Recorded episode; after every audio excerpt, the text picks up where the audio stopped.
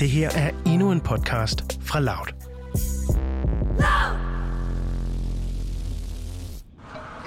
...6.000 biler fordelt i fire parallelle vejbaner snegler sig langsomt fremad på en vej i nærheden af Dallas i delstaten Texas. I de her biler, der sidder der sultne amerikanere, som alle sammen venter på at få udleveret det måltid, der skal på bordet i anledning af den traditionsrige Thanksgiving. From the ground, you could see cars lined up everywhere at Fair Park. When you take a wider view from the air, the length of the line was as far as the eye could see, backed up onto the freeway. Længere fremme, der står mænd og kvinder med blå mundbind og orange veste. En efter en, der vinker de bilerne frem, og når bilen den så holder stille, ja, så fylder de bagagerummet med æbler i store sække, med mælk i kartonger og selvfølgelig med en kalkun. Men det her foregår ikke kun i Texas, for i store dele af USA, der har de her food banks, altså de her madstationer, under coronakrisen delt gratis mad ud til millioner af amerikanere og også til en hel del flere end nogensinde før. Texarkana, Arkansas today, folks started lining up in their cars at 6 a.m. to receive boxes of food from Harvest Regional Food Bank. In Los Angeles today, nearly 2,000 people lined up for donations, many of them there for the first time. Og det er altså selvom at landets leder, ham der bor i det hvide hus, han lever på et slogan om at skabe arbejdspladser. Da Trump han blev valgt ind i det hvide hus, så var han for mange amerikanere symbolet på den forandring, som USA havde brug for. Hans vælgere de drømte om et land med skyhøje vækstrater og endnu flere arbejdspladser. Og så var de ret begejstrede for udsigten til, at amerikanske virksomheder de kunne vende hjem igen. Men nu hvor Trump han står på dørtrinnet ud af det hvide hus, ja, så er spørgsmålet, om han egentlig også led op til det, han lovede sine vælgere. Det kigger vi nærmere på i dagens afsnit af Udsyn. Jeg hedder Sofie Ørts.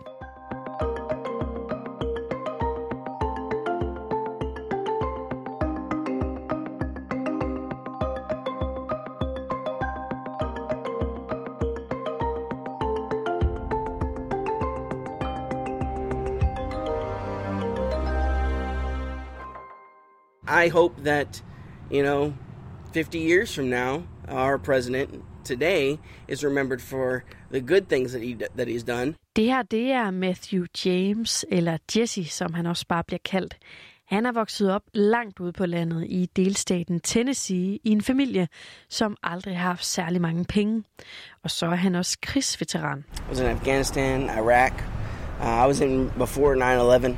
Um, so I was actually stationed in Germany for the Bosnia support mission in uh, during 9/11. So Jesse han er Trump-fan. Han har bakket op om præsidenten både ved valget i 16 og også ved det nylige præsidentvalg. Og det er der altså flere grunde til. For eksempel så er han ret begejstret for, at Trump han ikke har blandet sig alt for meget i de amerikanske krigsveteraners hverdag. he's not really affecting, especially the the veterans that are retired and are out of the military. Um, he hasn't really done anything to to affect us um, or our benefits as much as, as as much as possible. He seems to uh, be doing the right thing, which is to avoid uh, affecting any of our uh, any of our stuff whatsoever. Da Jesse han kom hjem fra krigen i 2014, så havde han ikke særlig mange penge, og derfor boede han en overgang i et af de her famøse trailerparks. Men da Trump han så blev præsident, så fik Jesse et bedre liv, fordi han fik et arbejde. Og derfor så mener han også, at der er en ganske klar sammenhæng. Uh, when he came into office, uh, well, before he came into office, um, like I said, I was homeless and I had a hard time getting a job, even as a veteran. I had a hard time getting a job, even though there were programs in place. I had a hard time getting a job. Right? when he came into office, a lot of job opportunities opened up for me. Um, I was able to I was able to get a job a lot easier, um, and um, there were people that I was helping that uh, were also because you know misery loves company, right? Yeah, so I had people living with me. After I got a house, um, there was other people that were in need of a place to stay, and I had them living with me, and they had a hard time getting jobs. and after I got the job, I was able to grab them up and be like, "Come with me," and I got I was able to get them jobs, you know, and uh, so he he opened that up quite a bit. Jessys oplevelser med de her svære tilstande, de er langt fra enestående. Rigtig mange amerikanere, de lever nemlig under de her hårde vilkår. Det fortæller Anne Alling, der er Louds korrespondent i USA. Det er et hårdt land at, at bo i, det er et hårdt land at, at, at overleve i. Det, der er ikke det samme sikkerhedsnet, som, som vi er vant til hjemme i Danmark. Øh, altså for eksempel så er mindstelønnen i USA, den ligger på lige omkring 50 kroner. Øh, og samtidig så koster det altså stort set det samme, når jeg går ned og handler her, så er det cirka de samme priser, som, som hvis jeg handlede derhjemme i Danmark. Det samme at betale, betale husleje, finde et sted at bo. Altså alting koster mange penge i, øh, i USA. Øh, og hvis du så ikke har nogen høj uddannelse, jamen så er de jobs, du kan få lavt betalte, øhm, og det er en, altså det er det som som økonomien er den det der ligger øverst på på vælgers dagsorden generelt om de er om de er rige eller fattige, men men altså især hos de her lavere indkomstgrupper som måske ikke har den store lid til politikere i forvejen. Og det er så her at Trump han kommer ind i billedet. I am going to be the greatest jobs president that God ever created. Remember that. For med det her slogan om at skabe arbejdspladser, og når jeg også med det her slogan, We will make America great again. så fik han som bekendt lov til at sætte sit navn på døren til det hvide hus. Og for Jesse, der betød det også, at han fik noget at stå op til. All the jobs that I was able to get at first were out of town in factories. Uh, I wanted something locally, and this is a small town, so there's not really much to, to go on here. Uh, but I, I work at Pizza Hut now. I'm a delivery driver, and which is crazy because I used to drive ambulances, you know, and now instead of getting in a vehicle and going to a place where people are scared and frightened and in pain and afraid, you know, and having to deal with that, I go to people's doors and I deliver smiles. Ifølge Anne Alling, så er der flere af de her republikanere, som den dag i dag er glade for, at Trump han fik fire år i præsidentstolen. For selvom vejen mod en bedre økonomi, den i første omgang blev lagt af Obama, ja, så mener Trumps vælgere altså, at han er grunden til, at der blev skabt endnu flere arbejdspladser.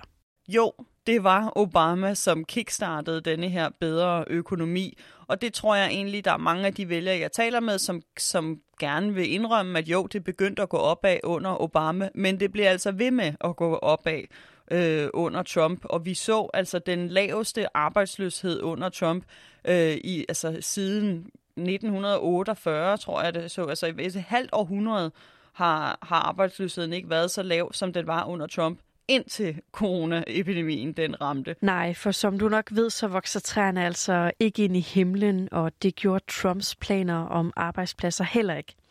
Her under coronakrisen, der har planerne til gengæld fået noget af et knockout. Nedlukningen har nemlig betydet, at rekordmange amerikanere de er arbejdsløse. Rent faktisk er der tale om mere end 60 millioner, og det tal det er højere end det var under finanskrisen. Og fra sidelinjen der har Anne Alling set, hvordan det har påvirket de amerikanere, der ligesom Jesse surfer fra job til job, og derfor har en ustabil indkomst. Vi ser de her ufattelig lange bilkøer til, til sådan nogle foodbanks, altså hvor man kan komme og, og få gratis mad, fordi man ikke længere har, har råd til at, at købe det. Øh, vi ser altså en enorm usikkerhed lige pludselig på arbejdsmarkedet, hvor at, altså, som jeg sagde før, altså, så, så inden coronaen, der var chancen for at miste sit arbejde den laveste i et halvt århundrede, nu lige pludselig er der enormt mange, som frygter øh, at miste deres job, selvom de måske har et, jamen så er det hele tiden usikkert, hvor lang tid det job det holder, om det er i restaurationsbranchen, i hotelbranchen, øh, er alle brancher i USA. Alting er lige pludselig blevet enormt usikkert. Øh, og det er det, der er den helt store forskel, fordi det var den usikkerhed, som, som var blevet meget mindre øh, under Trump, og det som gjorde, at, at amerikanere, som er afhængige af at have en, to, tre jobs for at kunne, for at kunne leve, jamen de lige pludselig ikke har den sikkerhed mere. Og det er en enorm bekymring for, for rigtig, rigtig mange amerikanere. Der er blevet lavet flere forsøg på at hjælpe amerikanerne økonomisk her under coronakrisen. For eksempel så fik alle amerikanere stukket 10.000 kroner i hænderne i foråret, og derudover så er der blevet lavet en regel, der siger, at udlejere de ikke kan smide lejerne på gaden, bare fordi han eller hun ikke betaler sin husleje til tiden. Men selvom den regel den er blevet forlænget nogle gange, så udløber den altså her til årsskiftet, og så er der lejere, der står med en usikker fremtid. Nå, nu skal vi så kigge lidt fremad, for øh, der er jo, som du nok ved, landet et resultat, som har afgjort, at Joe Biden han bliver amerikanernes præsident fra den 20. januar. Og øh, den mulighed var Jesse altså ikke særlig begejstret for, da Anne Alling hun talte med ham før valget. Han mener nemlig, at Biden han er en gammel mand uden særlig store visioner. I haven't really heard any of his views on anything. He just doesn't speak at all. Uh, versus our president now, who I'm gonna paraphrase, he's kind of an asshole. you know, he's he says he says what's on his mind whenever it comes up, and he kind of needs to shut the hell up sometimes. You know, he really does. you know, he's more act and less talk. It's really what it needs to be. It needs to stay that way. versus Biden, he's completely the opposite, right? But I don't think we need the opposite. Det første Biden han gjorde, da han fik de her valgresultater, det var at samle en gruppe eksperter, som skal hjælpe ham og vicepræsident Harris med en coronastrategi. I'm Joe Biden. We need a real plan to get COVID under control. As president, my commitment to you is to listen to the science so we can stay safe and get back to work. Og mens demokraterne de klapper i hænderne over, at der bliver taget hånd om epidemien, i hvert fald i højere grad, end der har været gjort indtil nu, ja, så er de republikanere, som Anne hun har talt med, altså langt mere bekymrede for udsigten til Biden som præsident. Jeg tror, der var to ting, de, de var nervøse for. Og den ene, det var, altså, hvad skal der ske nu med coronaepidemien i USA? Hvad er det, Biden han vil gå ind og gøre for at prøve at stoppe denne her epidemi? Og der var mange af de republikanske vælgere, jeg talte med, enormt nervøse for det her shutdown, altså om, om Biden han vil komme ind og simpelthen lukke landet ned igen, øh, hvilket vil betyde, at økonomien også bliver lukket ned igen. Det var de enormt bange for, hvor de gerne vil så hurtigt tilbage på, på arbejdsmarkedet øh, som muligt. Og så hører jeg også en enorm en nervøsitet for, for denne her socialisme og kommunisme, som, som Trump virkelig er lykkedes med at i tale sætte er noget, som, som Biden han vil bringe til Amerika. Okay, så selvom vi flere steder ser de her rekordlange bilkøer til gratis maduddeling, og selvom at rekordmange amerikanere har mistet deres arbejde under coronakrisen, ja, så er der altså amerikanere som veteranen Jesse, som står tilbage med indtrykket af, at Donald Trump, han har faktisk overholdt det, han lovede, dengang han blev præsident.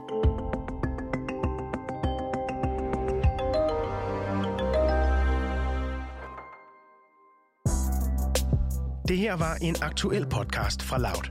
Dem har vi flere af. Lyt for eksempel til Klub Koncentrat. Her samler vi det bedste fra vores kulturprogram Klub til kortere podcasts. I øjeblikket jagter de fodboldspillere, der gerne vil udtale sig om, at næste herre-VM i fodbold er i Katar. Men DBU giver alle mundkurv på. Hør om det lykkes, og hør den spændende historie om, hvorfor fodbold-VM dog er i Katar. Søg efter Klub Koncentrat i din podcast-app.